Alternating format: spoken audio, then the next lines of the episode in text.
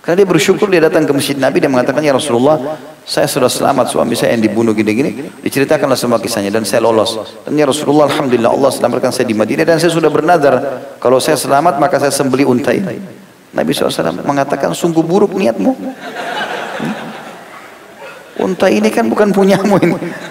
Ini punya aku bagaimana kau nadar sesuatu yang bukan milikmu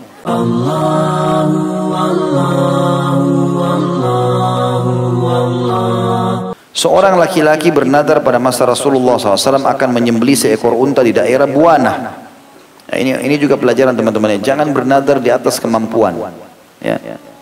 Jadi misalnya kalau kalau sembuh penyakit saya, saya akan menyembeli di Palestina. Jauh, belum tentu antum bisa. Menyembeli di kota sendiri misalnya, walaupun niatnya baik ya. Kecuali memang antum bolak-balik setiap saat mungkin. Sahabat ini ingin menyembeli dia di Madinah. Sebenarnya Madinah dekat, tapi dia buana jauh. Gitu kan? Di sebuah lembah jauh. Maka orang itu datang kepada Rasulullah SAW. Artinya dia terkabulkan apa yang dia inginkan. Berarti dia harus menyembeli di wilayah itu. Maka orang itu datang kepada Rasulullah SAW lalu bertanya kepada beliau mengenai hal itu. Lalu beliau balik bertanya, apakah di sana ada berhala yang pernah disembah atau yang sedang disembah? Maka orang itu menjawab, tidak ada. Beliau bertanya lagi, apakah di sana ada salah satu hari raya mereka, para penyembah-penyembah berhala itu, sehingga mereka dulu pernah menyembelih di lembah itu, kau juga mau ikut-ikutan menyembelih di situ gitu. Pernah nggak ada acara-acara ritual di sana? Maka dia menjawab tidak ada. Maka beliau bersabda, kalau gitu tunaikan nadarmu, karena sungguhnya tidak ada penunaian terhadap nadar dalam kemaksiatan kepada Allah. Kalau dasar di situ pernah disembelih-sembelih hewan untuk selain Allah, jangan kau nadar di situ, nggak boleh. Bayar kafaranya, batalkan itu. Ya. Tunaikanlah nadarmu karena sungguhnya tidak ada penunaian terhadap nadar dalam kemaksiatan kepada Allah. Pemutusan silaturahim. Jadi tidak boleh orang mengatakan saya akan putus hubungan sama saudara saya ini. Tidak ada nadar begitu. Itu nadar maksiat namanya. Karena tidak boleh putus silaturahim apa pun alasannya. Walaupun saudara kita itu jahat, kita nggak putus silaturahim. Menjaga jarak boleh. Putus silaturahim nggak boleh. Dan hal yang tidak dimiliki oleh anak Adam atau manusia. Hadis ini sahih diriwayatkan Ahmad jilid 3 halaman 419. Yang terakhir ini tahu maksudnya? Jadi misalnya antum bilang, kalau penyakit saya sembuh, saya akan sedekahkan buah mangganya tetangga. Bukan punya antum itu pohon mangga. Makanya Nabi SAW mengatakan dan tidak ada nazar pada hal yang tidak dimiliki oleh anak Adam. Bukan punya antum. Ini juga ada sebabnya. Ada hadis yang serupa. Pernah ada satu kelompok pasukan orang kafir dari suku Gatafan datang ke Madinah. Mereka mau merampok mau membunuh mau menyerang Madinah tapi takut. Rupanya sampai di pinggiran Madinah mereka ketakutan begitu dari pintu gerbang ketakutan. Maka mereka temukan ada kebun kurma di dekat pintu gerbang. Dan di situ ada muslim suami istri sahabat. Rupanya dia datang penjahat-penjahat ini datang ke sana tidak ada orang lihat dibunuhlah si muslim ini si laki-laki ini sehingga terbunuh mati syahid dia. Istrinya diambil Si muslimah ini diambil dan diambillah unta-unta dan domba yang ada di situ. Salah satunya adalah domba uh, untanya Nabi Muhammad SAW yang lagi dititip di kebun itu. Pergilah suku ini lari. Dikejar oleh beberapa sahabat tidak ketemu. Rupanya di tengah malam si perempuan yang tadi muslimah ini dia ketakutan dan dia berdoa sama Allah supaya diberikan kesempatan untuk bisa selamat maka ikatan tangannya lepas segala macam. Ini musuh-musuh semua pada tidur. Dia lihat ada unta terdekat dengan dia. Ternyata ini unta Rasulullah SAW dia tidak tahu kalau ini unta Nabi. Termasuk yang dicuri oleh para perampok-perampok tadi itu. Maka dia naik ke unta itu lalu dia mengatakan semoga saja Allah sampaikan aku di Madinah. Dan kalau Allah sampaikan aku di Madinah maka aku akan sembeli unta ini. Gitu. Ternyata unta itu dengan hikmah Allah SWT jalan perempuan ini nggak tahu jalan Tiba-tiba sudah berapa waktu tiba-tiba ada di pintu gerbang Madinah. Masuk di Madinah. Karena dia bersyukur dia datang ke masjid Nabi dan mengatakan ya Rasulullah saya sudah selamat suami saya yang dibunuh gini-gini. Diceritakanlah semua kisahnya dan saya lolos. Dan ya Rasulullah Alhamdulillah Allah selamatkan saya di Madinah dan saya sudah bernadar kalau saya selamat maka saya sembeli unta ini. Nabi SAW mengatakan sungguh buruk niatmu. Unta ini kan bukan punyamu ini. Ini punya aku bagaimana kau nadar sesuatu yang bukan milikmu. Jadi nggak boleh bernadar dengan sesuatu yang bukan kita miliki. Selanjutnya adalah nomor 1181. Dari Jabir radhiyallahu anhu beliau berkata, "Anna rajulan qala yaumal fath, ya Rasulullah, inni nadartu in fatahallahu alayka makkata an usalliya fi baitil maqdis faqala salliha huna fasa'alahu faqala salliha huna fasa'alahu faqala fasya'nuka idan bahwasanya seorang lelaki berkata pada hari penaklukan Mekah wahai Rasulullah sesungguhnya aku telah bernazar kalau Allah menaklukkan Mekah bagi anda maka aku akan sholat di Baitul Maqdis Lalu beliau SAW bersabda, sholatlah di sini. Di Mekah maksudnya di Baitul Haram. Lalu dia nanyakan kembali, Ya Rasulullah, aku sudah nazar ke Aqsa. Nabi SAW bilang, sholat saja di sini. Lalu kemudian dia menanyakan lagi yang ketiga kali. Maka kata Nabi SAW, kalau begitu urusanmu terserah kamu. Tetap mau sholat sana ya silahkan pergi. Gitu kan. Hadis ini diriwayatkan oleh Imam Ahmad dan Abu Daud serta disahihkan oleh Al Hakim. Hadis ini disebutkan oleh Ahmad jadi 3 halaman 363, Abu Dawud jadi 3 halaman 236 dan Al-Hakim jadi 4 halaman 304 dan 305. Hadis ini memberikan pelajaran teman-teman sekalian kepada kita. Kalau orang bernazar untuk melakukan satu ibadah di sebuah tempat dan ternyata ada tempat lebih afdal daripada tempat itu, dia boleh mengalihkan kepada yang lebih afdal.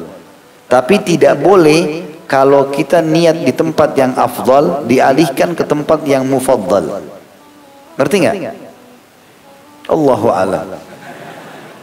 Ngerti nggak ini? Baik, saya rincikan. Ngerti-ngerti tapi nanti malaikat catat loh. Kalau nggak ngerti bilang nggak ngerti. Ya. Jadi sahabat ini rupanya dia bernazar kalau Allah berikan kemenangan untuk Nabi SAW menguasai Mekah sebagai nazar yang baik, saya mau sholat di Baitul Maqdis. Mana yang lebih afdal? Masjid Haram Mekah atau Baitul Maqdis? Masjid Haram Mekah. Orang ini sudah bernazar dan Allah kabulkan. Nabi Muhammad SAW berhasil tembus Mekah. Berarti kan dia wajib jalankan nazarnya. Tapi karena Masjidil Aqsa itu di bawahnya secara urutan dari Masjidil Haram. Masjidil Haram lebih afdal. Masjid Aqsa dibandingkan Masjid Haram Mekah itu mufaddal di nomor dua kan nomor satunya Masjid Haram Mekah maka karena dia niatnya ke Masjid Maqdis dan ada yang lebih afdal Mekah kebetulan dari Mekah Nabi bilang sholat sini aja karena boleh diganti nazarmu boleh diganti karena ini lebih baik gitu sama antum ber, berniat bernadar bersedekah dengan perak antum nggak temukan kecuali emas emas lebih bagus keluarkan emas itu sudah cukup bisa bisa menutupi itu Nadarnya seperti itu. Kita nazar sembeli anak kambing. Nanti kita temukan hanya kambing yang besar. Kita boleh lakukan itu. Ya. Nabi SAW pernah juga bayar utang. Itu untah kalau nggak salah umur dua tahun. Nabi SAW ambil dari seseorang. Kemudian akan dibayar. Tiba saatnya Nabi SAW suruh sahabat beli di pasar. Ternyata ditemukan hanya unta umur tujuh tahun. Maka sahabat melapor ya Rasulullah hanya tujuh tahun. Artinya lebih mahal. Nabi SAW mengatakan biarlah, bayar saja. Sebaik-baik kalian adalah orang yang paling baik dalam menunaikan utangnya. Kasih lebih baik tidak masalah. Jadi seperti itu. Nah ini dimaksud dalam hadis ini ya. Dan ini juga pelajaran teman-teman sekalian. Jangan bernadar sesuatu yang di atas kemampuan kita. Ya, sudah dibilangi dari tadi. Lebih baik antum kalau naudzubillah orang sakit, mau menikah, mau bekerja, mau ujian, tidak usah ada nadarnya. Berdoa sama Allah SWT supaya dimudahkan. Kapan berhasil, antum melakukan aja kebaikan apa? Misalnya sedekah, sebagai tanda syukur kepada Allah. Nah itu lebih tepat. Daripada antum dari awal bernazar. Karena nazar dasarnya tadi Nabi SAW mengatakan muncul dari orang yang pelit. Seakan-akan dia tidak mau sedekah kecuali ada hajat ini. Seakan-akan tidak mau puasa kecuali ada hajat ini. Seperti itulah. Hadis selanjutnya nomor 1182 dari Abu Sa'id Al-Khudri radhiyallahu anhu dari Nabi sallallahu alaihi wasallam beliau bersabda, "La tushaddu rihalu illa ila ila thalathatil ila thalathati masajid. Masjidil Haram wa Masjidil Aqsa wa Masjid hadza." Tidak boleh dilakukan safar kecuali kepada tiga masjid, Masjidil Haram, Masjidil Aqsa dan masjidku ini. Hadis ini diriwayatkan oleh Imam Bukhari jadi dua halaman 77, Imam Muslim jadi dua halaman 976. Itu terjemahannya juga bisa bermakna Jangan lakukan perjalanan khusus dengan susah payah kecuali ketiga tempat ini. Bisa juga masuk maknanya kalaupun mau bernazar untuk ibadah, nazar ibadahnya ketiga tempat ini. Masjid Haram Mekah, Masjid uh, Madinah Nawawi dan juga Masjid Aqsa. Ya. Dan ini tentu hadis yang menjelaskan tentang pentingnya setiap muslim untuk mendatangi tiga lokasi ini. Usahakan dalam hidup kita diniatkan dan minta kepada Allah SWT dimudahkan agar mendatangi Masjidil Haram, Masjid Nabawi dan juga Masjid Aqsa. Semua ini punya keutamaan tentunya. Sebagaimana Nabi SAW mengatakan sholat di Masjid Haram ada sama dengan 100 ribu pahala, Masjidku ini adalah 1000 dan riwayat lain mengatakan dan Aqsa 500. Ada riwayat lain yang mengatakan Aqsa adalah setengah masjidku.